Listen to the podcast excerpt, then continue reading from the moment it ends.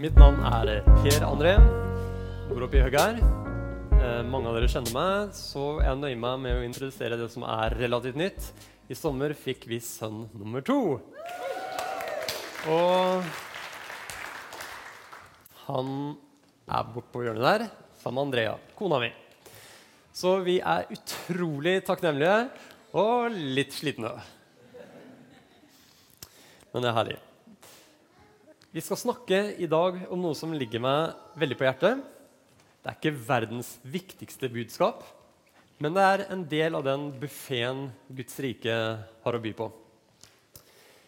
I dag skal vi snakke om et livsforvandlende, men litt glemt verktøy. Å nei, gutter, jeg tenker ikke på stikksagen, men vi skal snakke om Jesus sin undervisning om tro. I et A4-liv, som selvsagt ingen av dere lever, så kan man spørre seg ja, trenger vi en sånn ekspan ekspansjonstankegang. Trenger man en sånn trosfylt hverdag? Nei, kanskje gjør vi ikke det her i Norge. Men min erfaring er at folk flest lever faktisk ikke det A4-livet man tenker seg. Vi har våre kamper, Yes? Og vi har våre drømmer. For noen så er det sånn at livet i dag er ikke der at du ønsker det skal være. Og det er først når du er der, at du begynner å lete etter verktøy for å komme det skrittet som du kanskje føler at du skal ta videre. Og jeg tror at med Jesus' undervisning om tro så setter det oss i stand til å gjøre ikke bare vårt eget liv bedre, men å gjøre verden vakrere. Så det skal vi se på i dag. Høres det bra ut? Bra. Da går vi til Jesu ord i Matteus kapittel 9. Det er Jesu ord kapittel, eh, Matteus kapittel 9, vers 27. Og vi skal lese sammen høyt. Vær så god.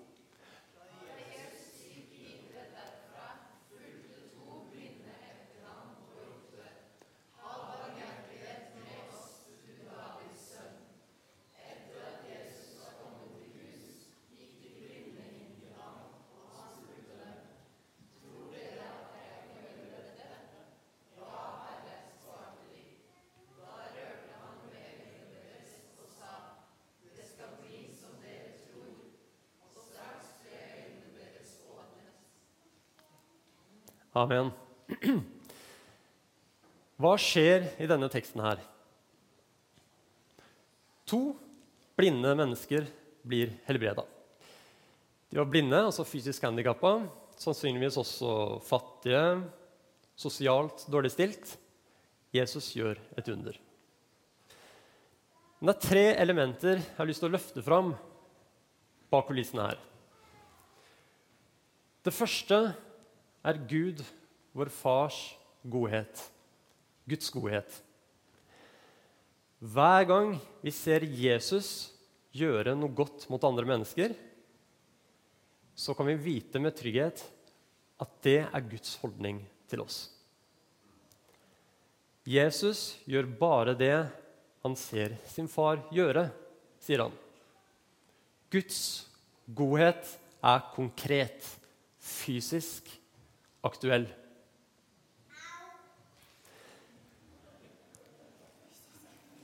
Det andre jeg vil løfte fram, er at vi ser også et initiativ i denne historien her. Og det initiativet kom faktisk ikke fra Gud eller fra Jesus. Disse kara var blinde, men jeg ser for meg at de ikke var de eneste i det området som var blinde. Men de kara her, de, de ropte etter Jesus. De fulgte etter ham.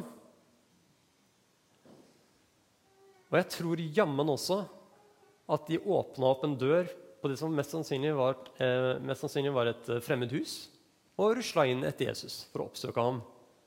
De hadde et initiativ. Det siste jeg vil løfte fram, var at de også viste tro.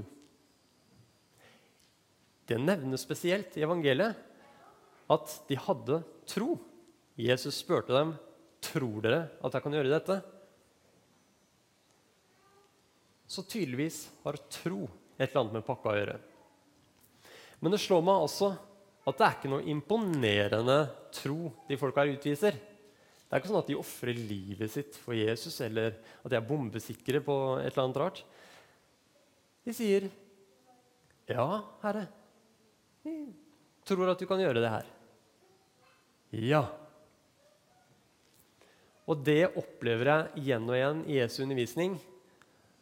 At den troen vi allerede har, den lille troen, det holder. Det er ikke noe spesielt vanskelig, dette her. Litt tro kan velte et stort lass av velsignelse over deg og over verden vi lever i. Det her er et spennende tema, så vi har gjort det sånn at uh, vi sendte ut noen spørsmål i forkant på sosiale medier. Eller altså, vi etterspurte noen spørsmål og innspill. Og vi fikk overveldende mye, så i dag bare gir vi et par smakebiter på det og kommenterer litt underveis.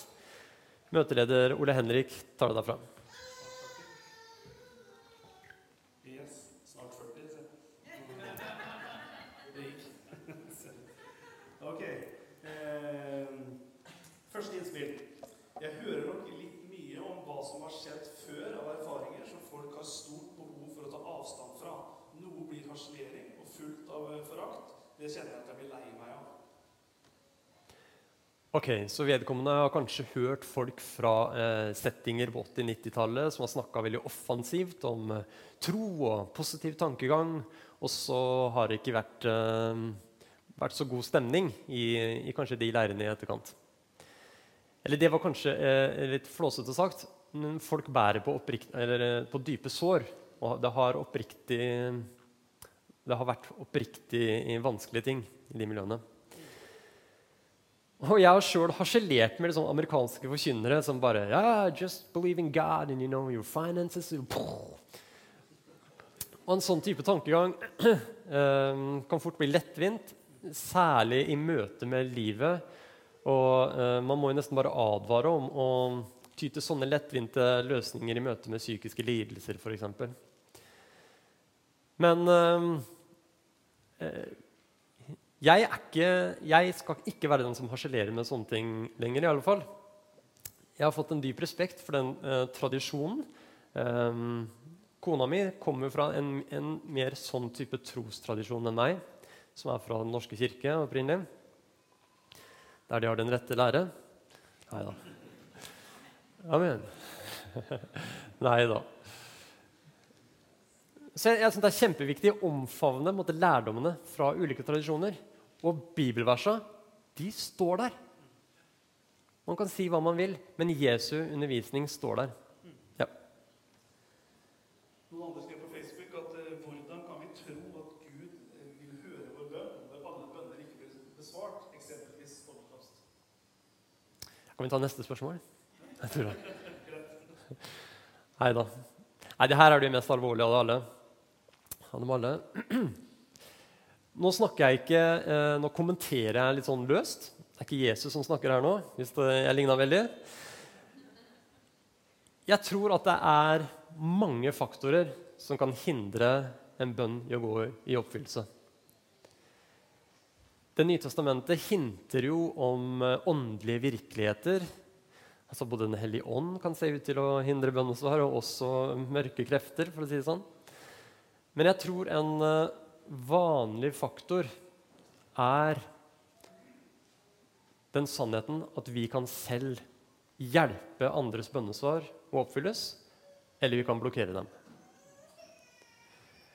Åssen fungerer det? Eh, hvis jeg vil bli proff tennisspiller, og du hogger av meg begge armer, så blir det mest sannsynlig en dårlig karriere. Uansett hva jeg har på en måte bedt og stått i tro for.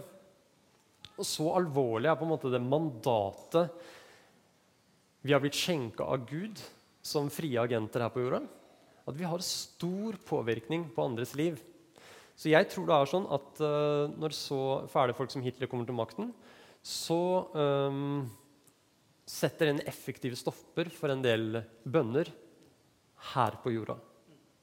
Og så tror jeg på en ekstra belønning i livet etterpå for dem som opplever det.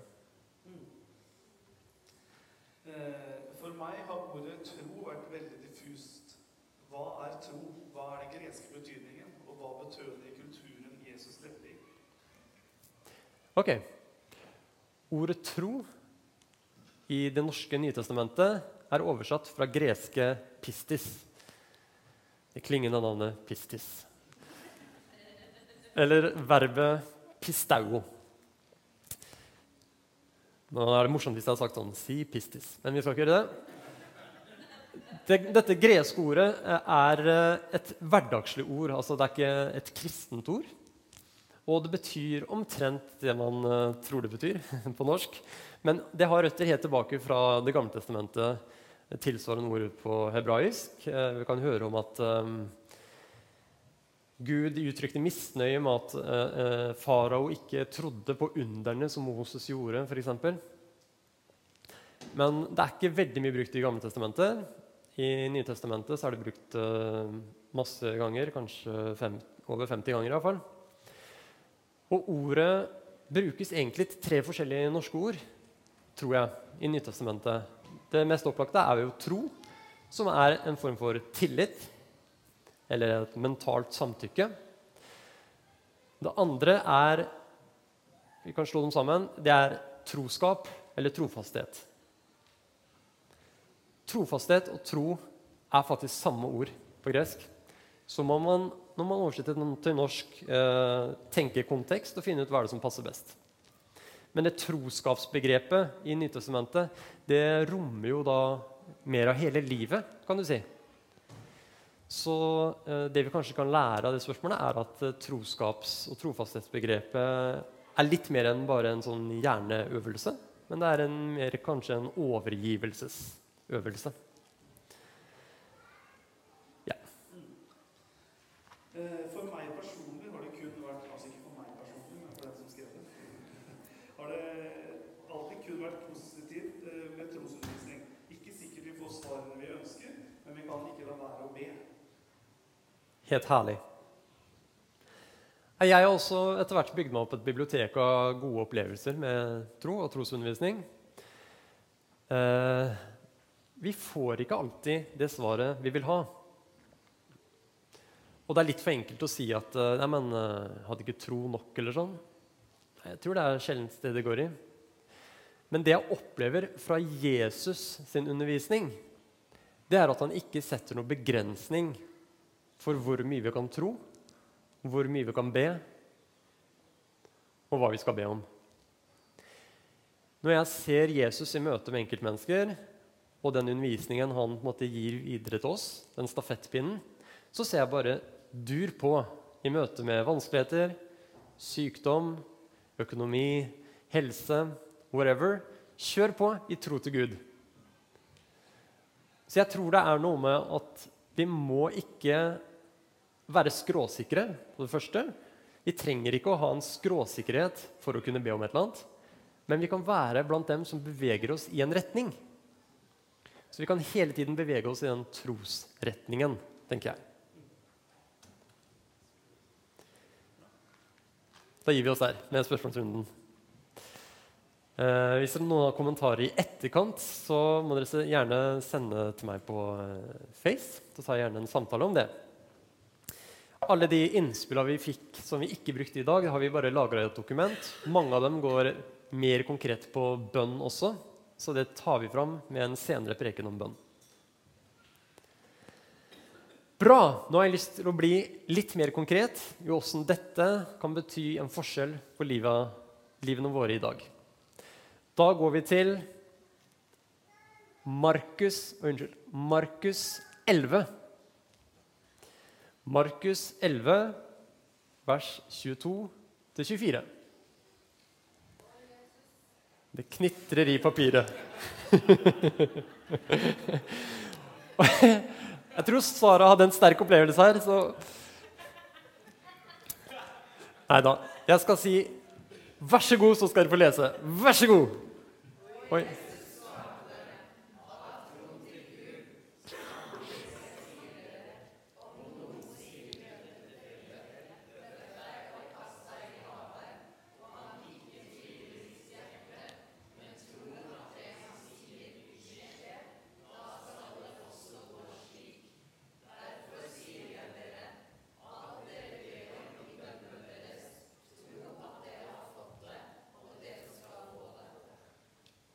Amen. Og dere må gjerne si litt sånn 'Å, Jesus' underveis, hvis dere kjenner for det.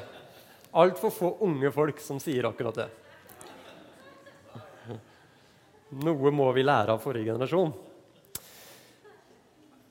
Markus 11, 22-24.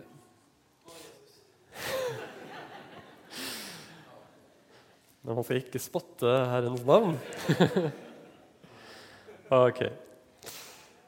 Jesus knytter her troen til bønn. Altså det å folde hendene, tenke på Gud, si noen ord. Oi, her spiller troen en rolle. Da hadde ikke trengt å være sånn. Man kunne sett for seg et evangelium, en kristendom, uten det aspektet når det gjelder bønn. Men dette er altså en av hemmelighetene som Jesus pusher på overraskende ofte. Nå skal vi zoome inn på den uthevede biten. Det er i siste setning nøkkelen her ligger til å forstå disse versene. Tro at dere har fått det, og dere skal få det. Og det her inspirerer jo til massivt misbruk. Og det kan komme mye morsomt ut av det. Um, den åpenbare tolkningen av det verset her, det er jo at man forestiller seg at noe som ikke har skjedd, har skjedd. At man ser for seg et positivt resultat og overbeviser seg selv og andre om det så hardt man kan. Og så håper man det blir sånn. Så hvis du har vært i jobbintervju før og vært spent på om du får jobben, og kompisen din ringer og spør «Eh, ja, hallo, eh, åssen gikk jobbintervjuet? Det gikk kjempebra. Ja, Fikk du jobben, eller? Eh, ja, ja, jeg fikk en. Amen, Gud, jeg fikk en. Jeg står i tro for at jeg fikk, eller jeg fikk den, og Nei, så bra! Genialt. Uh, er, er, det bra kantine og sånn, eller? Ja, kjempebra. Det er bacon og vegan og alt sammen. Det er helt rått. Ok, er du på jobb nå, eller? Ja, jo. Yes, jeg er på jobb. Ok. Blunker du til meg over telefonen? Nei, det går ikke an. Ok, ha det. Altså, en sånn tolkning høres bare ko-ko ut. Men det er mange som har praktisert det. Jeg tror ikke det funker sånn. Og Det er av flere grunner. For det første så syns jeg det ligger i et uh, hint av bedrag i det. Både selvbedrag og rett og slett å, å lyve overfor andre. For det andre så kan jeg ikke se det mønsteret her hos de som hørte Jesus sine ord. Faktisk ser jeg ikke det mønsteret om å snakke på den måten noe sted i hele Bibelen. Men noe betyr disse versene her. Tro at dere har fått det, og dere skal få det. Og her kommer det som har betydd noe for meg. Noen av dere har hørt den gamle salmen hvor de synger 'Troens øye ser det'. Deg være ære. Troens øye ser det. Hva er dette troens øye som kan se mer enn det fysiske øyet? Det er ikke veldig vanskelig. Det er vår forestillingsevne. Troens øye er vår fantasi, vår hjernes evne til å tenke visuelt. Det er en måte å hente bilder fra fremtiden inn i nåtiden. Trosbilder kaller jeg det. Et trosbilde er rett og slett en visualisering av et resultat som du ønsker. Det er et bilde eller en videosnutt om du vil, som ingen andre kan se, bare du. Finner vi trosbilder i Bibelen? Ja, jeg mener det. I ulike varianter. Metaforisk og konkret. Jeg syns uh, at det er verdt å ta en titt på Abraham. Abraham blir jo løfta fram flere ganger som en troshelt. Abraham er på en måte jødenes og vår stamfar. Men han måtte virkelig stå i tro overfor Gud. Men hvordan starter hans reise? Den starter med at han blir vist stjernehimmelen. Se på stjernene. Så mange stjerner som du ser, så mange etterkommere skal du få. Et trosbilde. Men det er ikke noe magic med selve bildet. For senere så får han høre Se på jordens støv. Så mange støvkorn som du ser. Så mange etterkommere skal du få. Og når han blir fortalt at han skal bli gitt land, så får han høre Se til øst og til vest, og alt du ser, det skal du få. Så det er noe med det visuelle som setter troen i arbeid. Disse bildene fikk Abraham, men det trenger ikke være sånn.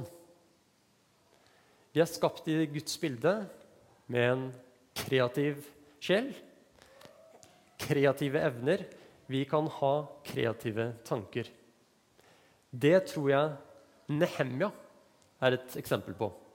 Nehemja er en profet i Det gamle testamentet som er kjent for å ha skapt velstand og trygghet i Jerusalem igjen. Hva tror dere Nehemja så for seg før hans arbeid starta? Jeg tror han så for seg noe veldig enkelt. Jerusalems murer gjenoppbygd. Og det holdt den gående gjennom farer, gjennom motstand det fungerte. Og jeg tror det er sånn med trosbilder at vi kan meditere på dem, og, og vi kan bare se for oss en løsning, men så påvirker det også hvordan vi oppfører oss i praksis. Det påvirker vår overgivelse og måten vi forbereder oss på. Men miraklet kommer fra Gud. La meg ta et par personlige eksempler. Før 316 starta barnekoret Soul Kids. Så hadde jeg en fiks idé, et enkelt bilde i hodet, om at på første øvelse så skulle jeg se 50 barn som sang og dansa. Jeg tror jeg konstruerte det bildet sjøl, men var nok til å holde meg gående. Og Et sånt bilde skaper jo også noen forventninger til dem du snakker med. Og det eh, gir noen praktiske innspill i forhold til hvor mange medarbeidere trenger du. sånn type ting. Men til syvende og sist så kunne ikke jeg kontrollere det som skjedde da. Nå hadde, nå hadde det seg sånn at når det nærma seg, så, så, glemte jeg litt det bildet igjen. Når det nærma seg oppstart, første øvelse. Så når jeg kom på første øvelse, og titta opp, så måtte jeg telle. 1, 2, 3, 4, 5, 6, 7 Hvor mange tror dere var der? Det var 49. Men i løpet av øvelsen så tassa det inn en liten tass til, og det ble 50. Og da husker man det. At er det mulig? Tenk at jeg bare kunne grunne på et så enkelt bilde som jeg mest sannsynlig bare fant på sjøl, og så se at det blir sånn. Dette skal jeg gjøre mer av. Trosbilder kan være enda mer personlig. Da kona mi Andrea og jeg data for mange år siden, så var det litt berg-og-dal-bane. Og sånn følelsesmessig berg-og-dal-bane i forhold, det er ikke veldig kult. Sånn teen-drama, det Og nå var jeg i 30-åra òg, så det bare funker ikke så bra. Men i de stormene der så var det sånn åh, vi ønsker jo å satse sammen, men er det riktig? Åh, alt er vanskelig, ikke sant? Men i den kronglete historien der så oppsto det et felles trosbilde. Husker ikke åssen det skjedde, men jeg husker at Andrea hviska liksom i øret mitt at eh, jeg ser for meg et hvitt hus. Jeg ser for meg et hus. Og i det bildet så lå det så mye. Det lå et hjem. Det lå en historie om to som elska hverandre, og funnet sammen. Kanskje barn kanskje en hage. Og jeg tror sikkert 20-25 ganger så hadde vi klemmer og omfavnelser hvor en av oss sa 'Jeg ser et hus'. Og i dag kan vi se tilbake på at vi har et hus. Vi har et koselig eiendom, vi har to fine barn, og vi har det godt sammen. Og det er så sterkt. Og jeg tror det bildet hjalp oss til å se lenger enn det som var akkurat her og nå. Og det er en nøkkel ved troen.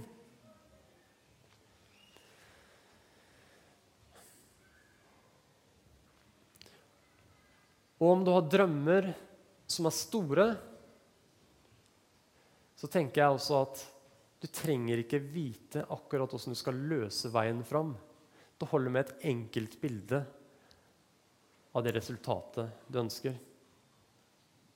For litt siden så hørte jeg også Sara, låsangslederen vår, dele et, uh, et trosbilde.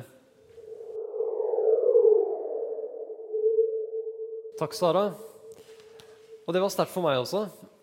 Fordi at uh, med troen så er det litt som med lykken at hvis vi skal øke vår lykke, så hjelper det ikke egentlig å snakke om lykke. Det som hjelper med troen som med lykken, det er å løfte blikket opp og se på Guds godhet. Der kommer troen. Der kommer lykken. Der kommer bekreftelsen på den troen du allerede har. Og nå som vi ber, så har jeg lyst til at uh, folk skal se om uh, de får et trosbilde i hodet som de kan gå på videre. Eller om de får noen tanker til hva slags trosbilder de skal være kreative med å lage senere i høst. Jeg tror at med et knips så kan man lage seg et nytt bilde av fremtiden som går helt på tvers av det du opplever i dag. Og med Guds godhet, med Guds godhet så kan alt skje. Så la oss be.